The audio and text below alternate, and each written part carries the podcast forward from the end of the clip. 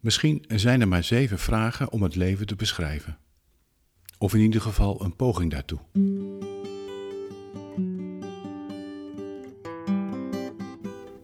Vragen die beginnen bij de geboorte en doorgaan tot de dood. Alles daartussen wordt besproken, bevraagd, omgedraaid, bekeken en beoordeeld, beleefd en geleefd.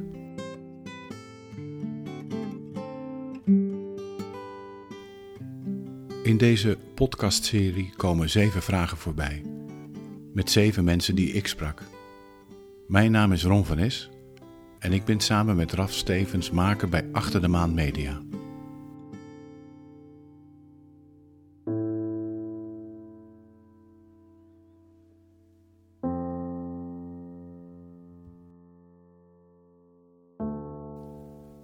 Wat zijn die zeven vragen dan? Hoe ervaar jij stilte? Wat vertelt compassie jou? Wat laat je na voor je achterkleinkinderen? Welke sporen heb je afgelegd in jouw verhaal? Welke momenten gaven jouw intense blijdschap terug? Welk vraagteken zal er misschien bij jouw verhaal gezet worden aan het eind? En waar wil jij opnieuw geboren worden?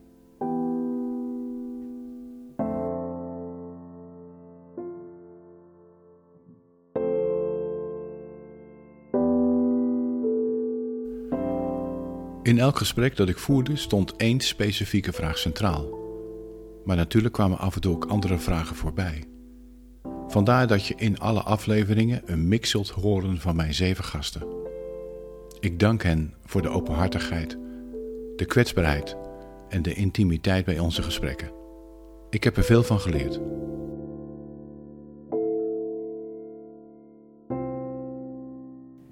Ik heb jou die vraag heel bewust voorgelegd. Dat vermoedde je mogelijk al. Ja. Dus ik heb gekeken naar die vragen. Wie, wie zou ik nou willen spreken uh, over die bepaalde onderwerpen? En toen dacht ik, bedrijfsjamaan, daar moet geboorte bij. Heb Ja. je enig idee waarom ik dat aan jou wilde vragen? Ehm, ja, nou, die, die vraag, daar ging ik wel gelijk op aan. Mhm. Eh, zoals ik dat zo altijd zo mooi noem. Ehm, kijk, want ik ben, ik ben ergens geboren. Ehm, en omdat ik op die plek geboren ben, ben ik nu zoals ik ben. En heb ik ook de zoektocht gehad, of de kwesten, die ik tot nu toe gehad heb. Mhm. Ehm, dus ja, die, die raakte me wel, die vraag. En wat Ja. raakte dan in jou? Ehm, ga ik gelijk de reiger er even bij pakken, dat Ja? vind ik wel leuk. Ja, hier, eh, voor mensen die dat natuurlijk ja. niet zien. Hiervoor heb jij mij eh, een cadeau gegeven, namelijk een veer van een reiger. Klopt. Die ligt hier Ja. tussen ons in op tafel. Ja. Ja, en ehm, eh, dat is een veer van een dode reiger die ik gevonden heb begin september van afgelopen jaar, dus Mhm. eh, 2020. En de reiger is mijn krachtdier. Dus eigenlijk mijn hoofdkrachtdier. Dat is ook op het moment dat ik eh, met grote dingen in mijn leven bezig ben, dan is er altijd een reiger bij. Of ik zie hem overvliegen, of nou ja, het kan zelfs over mijn huis zijn, midden in een nieuwbouw. Eh, maar is er altijd. En ik ben in september een grote transformatie zelf eh, doorgegaan. Afgelopen september. Ja, ja, het is vooral op het gebied van eh, werk met mijn ancestors. Dus ik denk dat daar de linkgeboorte ook Mhm. komt. En op het moment dat je of in dromen of op een andere manier jouw krachtdier dood gespiegeld krijgt, dan, dan is er dus sprake van een grote transformatie. Oké. Ik heb deze reiger, die lag eh, langs een 80 kilometer weg ehm, richting Hoek van Holland. Tussen de A4 en eh, de weg naar Hoek van Holland. En ik reed met een vriendin van mij en, eh, zij wilde niet stoppen, want ik zag hem in een flits. En ehm zij zei van, nee, maar ik ga echt niet stoppen hier. Maar zij zit ook in een hele andere wereld dan dat ik zit. Dus ik ben later teruggegaan. Ik heb die reiger opgehaald. En ik heb nu de vleugels heb ik thuis van die reiger. Dus, en ik heb ook een paar veren heb ik, mocht ik meenemen Mhm. van het dier. Dus het is een, eh, het was een hele jonge reiger, ik kon hem niet helemaal op laten zetten. Eh, maar vandaar dat die reiger, en die reiger is een heel mooi verhaal. Er zitten een aantal mythes eh, aan de reiger, vanuit de Griekse mythologie en vanuit de Egyptische mythologie. En vanuit de Griekse mythologie is de, de, de, de Bennu, zoals hij ook in Egypte genoemd wordt, is een wezen wat zonder ouders opgegro- opgroeit, eigenlijk. En ehm, ja, alsof je uit, uit het vuur ontstaat. En ik ben Phoenix. Ja, precies. Het is inderdaad, ook in de, in de Egyptische mythologie is het, uh, is het de phoenix. En ja, ik ben hier geboren in deze aardse wereld. Uh, ik heb twee ouders. Ehm, maar ik heb wel mijn weg zelf moeten zoeken. Uh, op alle vlakken. Voor deze aflevering nodigde ik Babette van der Wijst uit. Zij noemt zichzelf bedrijfssjamaan. Voor mij natuurlijk genoeg reden om dan met haar in gesprek te gaan over de vraag van geboorte. Ben je blij waar je geboren bent? Of had je liever ergens anders geboren willen worden? Of ben je juist geboren om te doen wat je nu doet? Het mooie waarom ik denk dat het shamanisme in ieder geval op mijn pad gekomen is, is omdat ik alle processen heel letterlijk meemaak. Um, dus eigenlijk heel veel thema's waarmee mensen in hun leven te maken krijgen, die ga ik soort van versneld door, uh, waardoor ik anderen weer kan uh, gidsen eigenlijk. Mm -hmm. En dat is ook bij mijn geboorte gebeurd. Dus ik ben terechtgekomen in een gezin. Uh, Hoe ging je geboorte? De geboorte zelf, ging die goed? Of was daar iets? Nou, daar is dus helemaal nooit zoveel over verteld. Okay. Het is um, um, een van de dingen die nou ja, misgegaan zijn. Ik weet niet of ik dat nou helemaal zo moet noemen. Maar de, de, de vrouwen in mijn familie zijn gestopt met het delen van hun wijsheid. Oké. Dus ook het, het, het, delen van de wijsheid van hun lichaam. Dus daar, daar is eigenlijk nooit zo over gesproken. Het enige informatie die ik feitelijk heb, is dat mijn vader heel blij was dat ik geboren was. En je moeder niet zo? Babette schreef, naar aanleiding van ons gesprek, later een kleine terugblik op haar eigen blog. Ze schrijft: Je dieptepunten worden na verloop van tijd veel interessanter dan je hoogtepunten, omdat die laten zien waar je niet of nog niet bent. Het laat je precies zien wat je anders zou kunnen doen, als persoon of als bedrijf. Als je durft te kijken, te vallen en te voelen. Als je comfortabel durft te zijn in het donker. En dat begint bij jou en niet bij het systeem. En je moeder niet zo? Dat stuk heb ik gemist. Hm. En dat is ook heel ingewikkeld om dat aan haar te vragen. Hm. Uh, mijn moeder leeft nog, mijn vader niet meer. Um, en daar wordt niet over gesproken. Dus um, ja, ik heb in die zin ben ik dus degene die um, uh, wel mijn wijsheid gaat delen. Want ik heb zelf in 2010 uh, eh, een dochter gekregen. Mm -hmm. En midden in de nacht dus die eerste nacht dat je zo naar elkaar zit, ligt te staren. Zo van, oké, nu is het toch wel serieus. Nu, ik heb nu een enorme verantwoordelijkheid voor jou. En toen heb ik uh, tegen haar de magische woorden uitgesproken. Mijn verleden wordt niet jouw heden. Nee,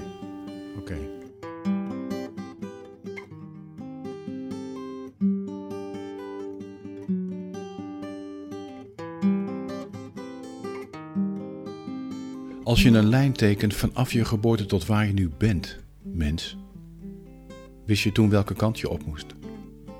Wat je diep van binnen wilde? Wist je toen al van je eigen betekenis? Durfde je te vertrouwen dat het goed was?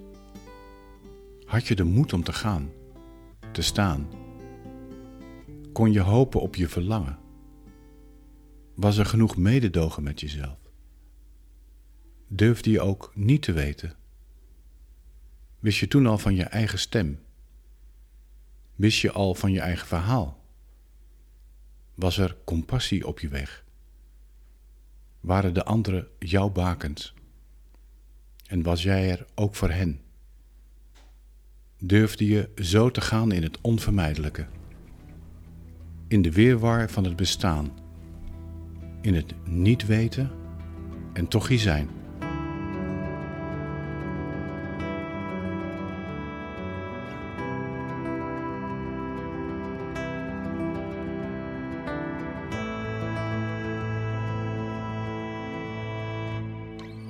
In deze serie sprak ik ook met Bart Papegaai.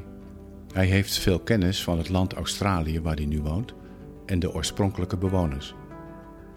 Hem zul je veel horen in de aflevering over sporen. Welke sporen ben je gegaan en welke sporen wachten nog op je? In ons gesprek kwamen we ook uit of je de juiste plek inneemt in je leven en je werk. Ben je geboren voor wat je doet? Of heb je een afslag genomen waar je nu verkruimelt? De, de eerste echte afslag, uh, die zowel heel anders gelopen is uh, dan ik dacht en, en daardoor denk ik me heel veel gebracht heeft, is uh, ik ben naar Australië gegaan met uh, Michal, die, daar ben ik toen mee getrouwd. En nou, ten eerste had zij dus een hele achtergrond in de emotional intelligence. Uh, maar ze had ook een shamanistische achtergrond. Ze had uh, met Noord-Amerikaanse indianen had ze gestudeerd. En um, ik heb toen even helemaal losgelaten wie ik was. Dus ik had, echt, ik had echt zoiets van, nou moet ik niet meer gewoon terugvallen op alles wat ik was. Maar ik ga er blanco in en ik kijk wat er gebeurt.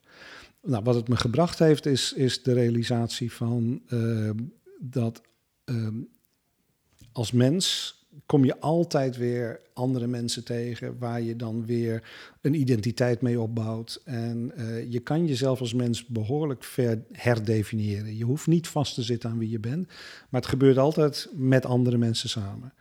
Dus ik, ik heb, die transitie was heel boeiend. Maar toen overleed ze opeens, vrij plotseling. En ja, ik vind het soms moeilijk om te zeggen, maar uh, het verliezen van datgene wat je het, het meest dierbaar is, is ook een soort bevrijding. En het is niet een bevrijding van, van haar, want ik, ik, ik mis haar nog steeds en ik, ik, we hebben het nog vaak over de. Maar een bevrijding van uh, de angst dat je het kwijtraakt. En ik had nooit gedacht, en, en zij was ook degene die me dat al geleerd had voordat ze overleed had. Ze hadden het daar vaak over. Van uh, de angst dat je iets kwijtraakt, uh, voor, hoe zeg je dat, verhindert het genieten ervan. Verhindert het beleven ervan. Dus ik was zo bang dat ik haar kwijt zou raken, zeker toen ze ziek werd, dat er een hele periode was dat ik eigenlijk niet bij haar kon zijn. En dan raak je dat kwijt.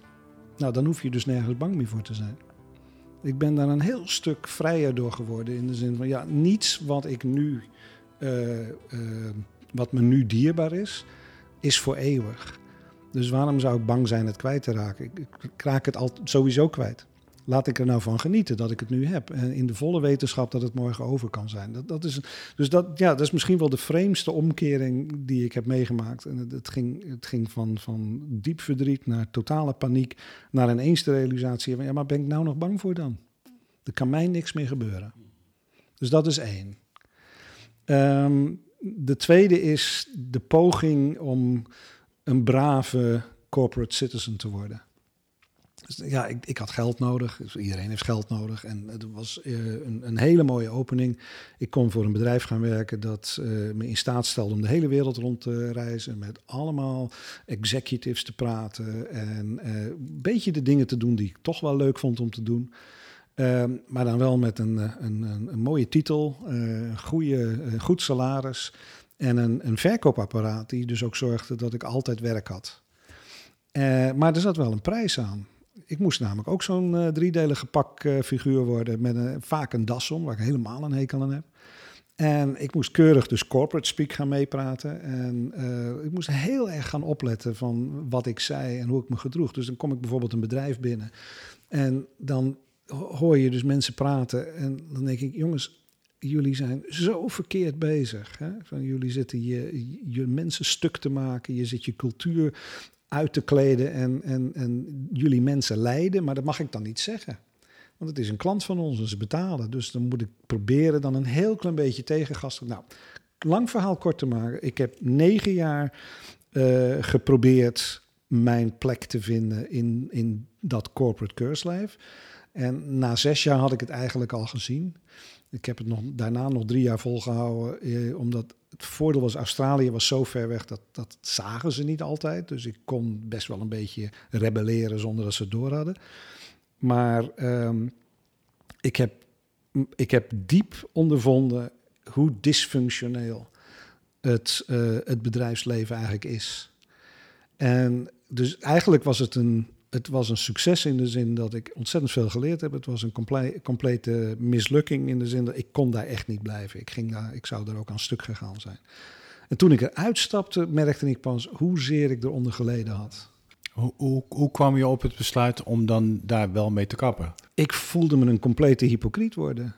Ik, ik stond daar dus aan de ene kant allerlei dingen te verkondigen waar ik het helemaal mee eens was en waarvan ik vond dat dat echt de toekomst van het bedrijfsleven was. Maar ik werkte in een bedrijf die compleet anders gemanaged werd en eigenlijk compleet de andere kant aan het opgaan was. Waar het steeds minder menselijk werd, steeds meer de, de, de metrics, hè, de, de, uh, de, de, wat ze dan de KPI's noemen, hè, al, die, al, die, uh, al die korte termijn doelen. Het ging alleen nog maar om geld. En als we dus hadden over hoe kunnen we deze klant helpen, dan was de onderliggende gedachte hoe kunnen we nog meer geld aan ze verdienen ik, ik was dus echt, ik, ik voelde me steeds hypocrieter worden.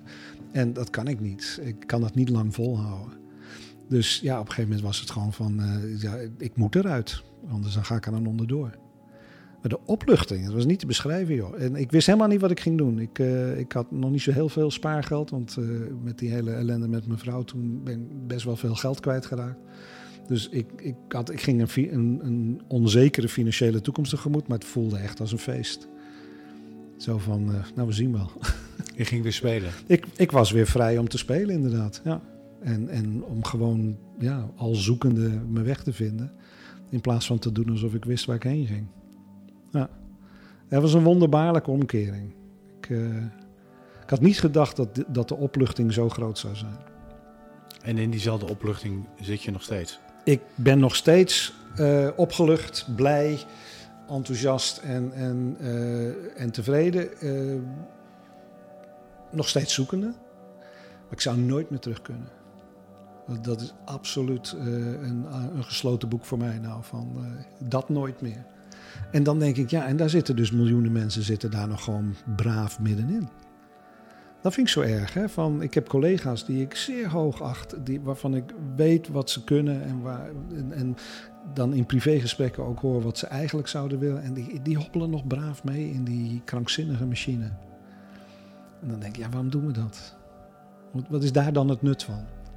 Zodat je, ja. rijk, dat je rijk doodgaat? Nou, gefeliciteerd. dat je een mooie doodskist kan kopen. Ik, ik, ja. ik snap het nut er niet van. Nee. nee. Hoe vaak heb jij de stem in jezelf gehoord? Dat diepere weten. Die roep naar betekenis in het leven. Dat verlangen om een draai te geven. En hoe vaak is die stem weggeëpt? Een verloren klank in je hoofd. Een echo. Mogelijk heb je dat weten weggeredeneerd. Het naïeve denken van een jongeling. De dagdromen van een vorig leven. Weet je wat het is, hoor ik dan vaak? Het leven zoals het nu is, is al moeilijk genoeg. Dat is waar. Het leven is moeilijk genoeg. En toch is de stem die je hoorde niet verstomd en zwijgt daarmee dat diepere weten niet.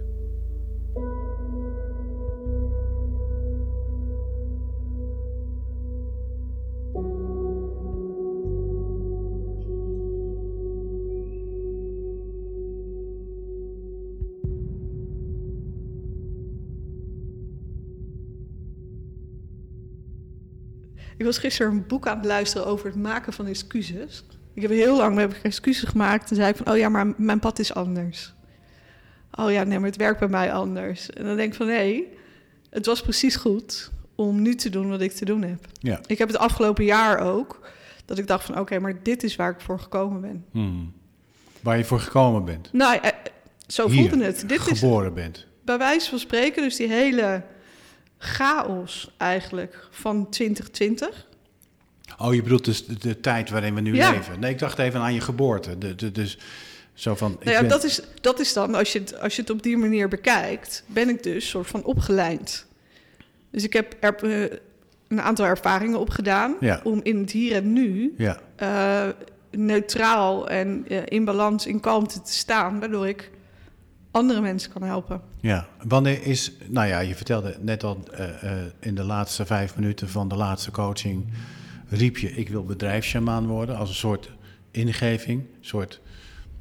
Ik roep maar wat, maar het is nog waar ook wat ik roep. Ja, ja. Dat kreeg je ook terug. Maar dat is voor jou echt een soort van: Oké, maar dan is dat ook zo. Dan, dan ga ik nu ook staan. Ik ben dat, punt. Eh, ja, dat was in ieder geval dat ik die deur niet meer dicht kon doen. Nee. Ehm, soms is het, soms dan kan je wat roepen en dan kan je even zo snel om de hoek kijken. Zo, oh nee, toch niet. En dan Nee, doe je die precies. deur dicht. Laat maar zitten. Maar deze deur was gewoon open en Ja. ik kon ook gewoon niet meer terug. En toen kwam je thuis en toen zei je... eh, ik ben voortaan bedrijfsjamaan. Ja, ja, en toen zei mijn man, die vond het echt briljant. Oh, kijk, Dus, dat is eh, mooi. ja, ja, ja, ja. Ik, ehm, ik heb het geluk dat mijn man ook... eh, nou ja, ik denk dat mijn man een van de voorbeelden is... van mensen die heel mooi werk doen in het bedrijfsleven. Ehm, een stille wijze. ehm, die wel nog een beetje wegvalt in het geschreeuw. Mhm. En dat mag anders Hm. voor, de, voor de natuur. Hm.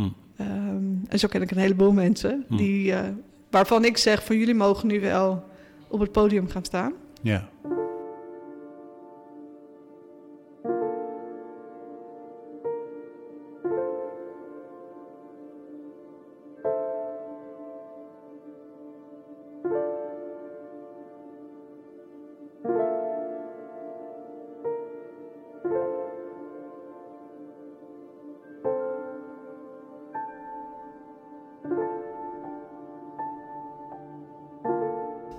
In deze serie sprak ik ook met Jelle van Baardewijk, filosoof, ethicus. Met hem begon ons gesprek vooral over de vraag of je iets na wilt laten. Jelle zelf noemde dat idee redelijk arrogant, maar daar dus meer over in die latere aflevering. Voor nu is het interessant dat hij over ons als individu dit vertelde. Het grootste gedoe voor de, voor de mens is niet de wereld. Het, het, is, het zit in je hoofd, denk ik. Dus, dit is, dus terugkeren naar jezelf is ook onderdeel nog van de struggle. Hm. Dus is de, denk ik. Dus de, met, ik denk ook dat heel veel eh, psychoanalyse dat laat zien. Hè? De mens is geen robuuste eenheid, maar de mens is ook geen. De mens is een veelheid. Dus er zijn vele krachten in mij. En, en in de psychoanalyse of in de schematherapie spreken ze bijvoorbeeld van de strenge ouder en de lieve moeder, Ja. of de, eh, gezonde, gezonde ouder enzovoort. Het blije kind, het boze kind. Dat zijn allemaal subpersoonlijkheden. En eh, voor mij, zeg maar, zijn dat ook. Die worden ook weer gesymboliseerd door klassieke goden, door, door, door klassieke verhalen, door, Ja. door literatuur. Dus je Ja. ziet soms dat in een film bijvoorbeeld één zo'n kracht helemaal wordt uitvergroot. Prachtig vind ik dat dan. Ja. En volgens mij gaat het dus om dat je dat, eh, dat, dat die, die bewogenheid, volgens mij, ehm, dat is dus, dus, dus terugkeer naar het zelf, ja, om te zien hoe jij dus onderhevig bent aan een krachtenveld, dat het uiteindelijk ook niet om jou draait, waar jij, waar jij gewoon in zit. Mhm. Nou ja, ik, ik heb het ook niet helemaal uitgedacht rond, maar dit is, dit, dit, dit is, dit is ongeveer waar, zoals Ja. ik het zie, ja. Ja. En het is waar, dat diepe weten om die draai aan je leven te geven. Die roep om betekenis op je pad. Het is vragen om moeilijkheden. Wie zit daarop te wachten? Om de stem in ons. Om het verlangen in ons te erkennen. Daar is moed voor nodig. Moed om in het licht te gaan staan. Uit de schaduw weg te lopen. Om het licht op ons te laten vallen. Ons kenbaar te maken. Hier sta ik. Dit is mijn verlangen. Dit is wat ik wil. Niet alleen erkennen we daar onszelf, maar geven we ook de kans aan anderen om ons te erkennen. En oh, wat zijn hier veel mensen van een koude kermis thuisgekomen. Als een geslagen hond met de staart tussen de benen weggekropen. Want de erkenning van anderen gaat dus niet over die roem. De fame, het succes, het gaat hier over de zuiverheid van geest over die ijle klank van je eigen stem. En gaat het dan niet om iets anders? Om bij te dragen aan de wereld om je heen?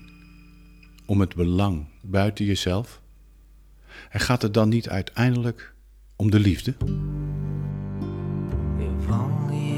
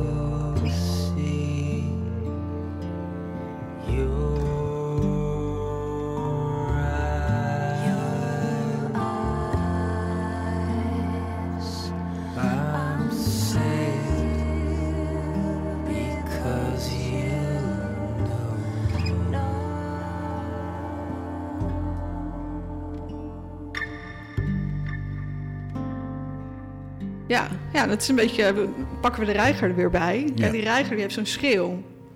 En met die schreeuw heeft hij in de Egyptische mythologie heeft hij de cycli van tijd in gang gezet. Dus die reiger, die echt met, eigenlijk met zijn schreeuw zet hij iets in gang.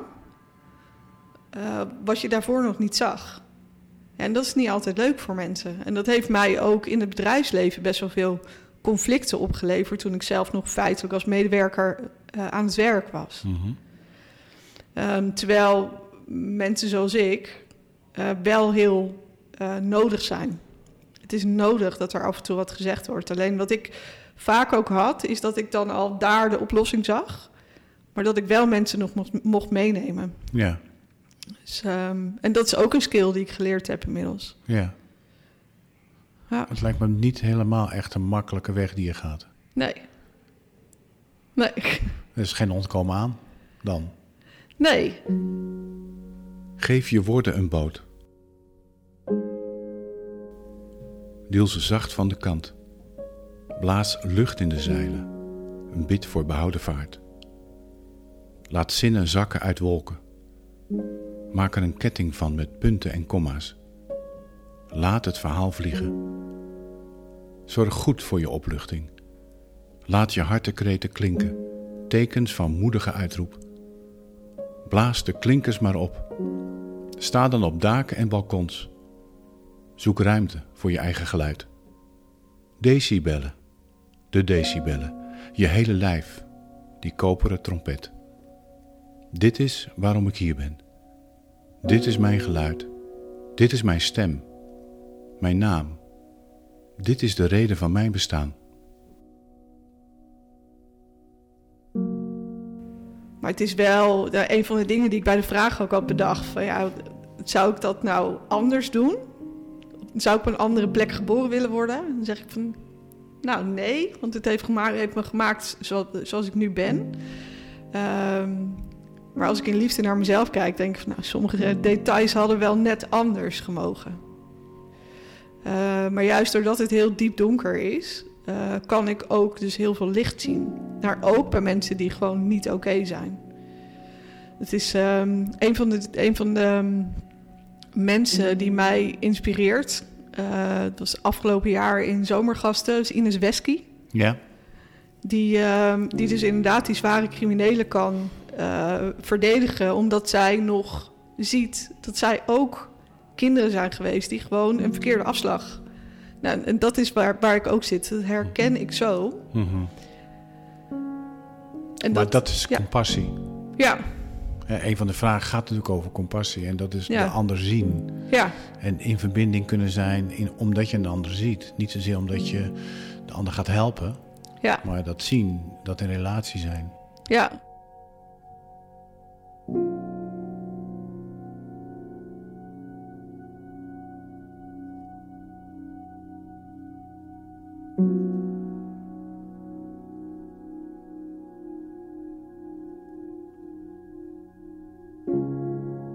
Deze aflevering van De Zeven Vragen maakte ik samen met Raf Stevens, die de montage deed, en is een productie van Achter de Maan Media. In het verwerken van alle gesprekken gebruikte ik trouwens de koptelefoon van Garrett Street. Dat is een prachtige koptelefoon die een leven lang meegaat, omdat die volledig circulair geproduceerd is. Dus geen idioot veel restmateriaal meer op de grote vuilnisbelt.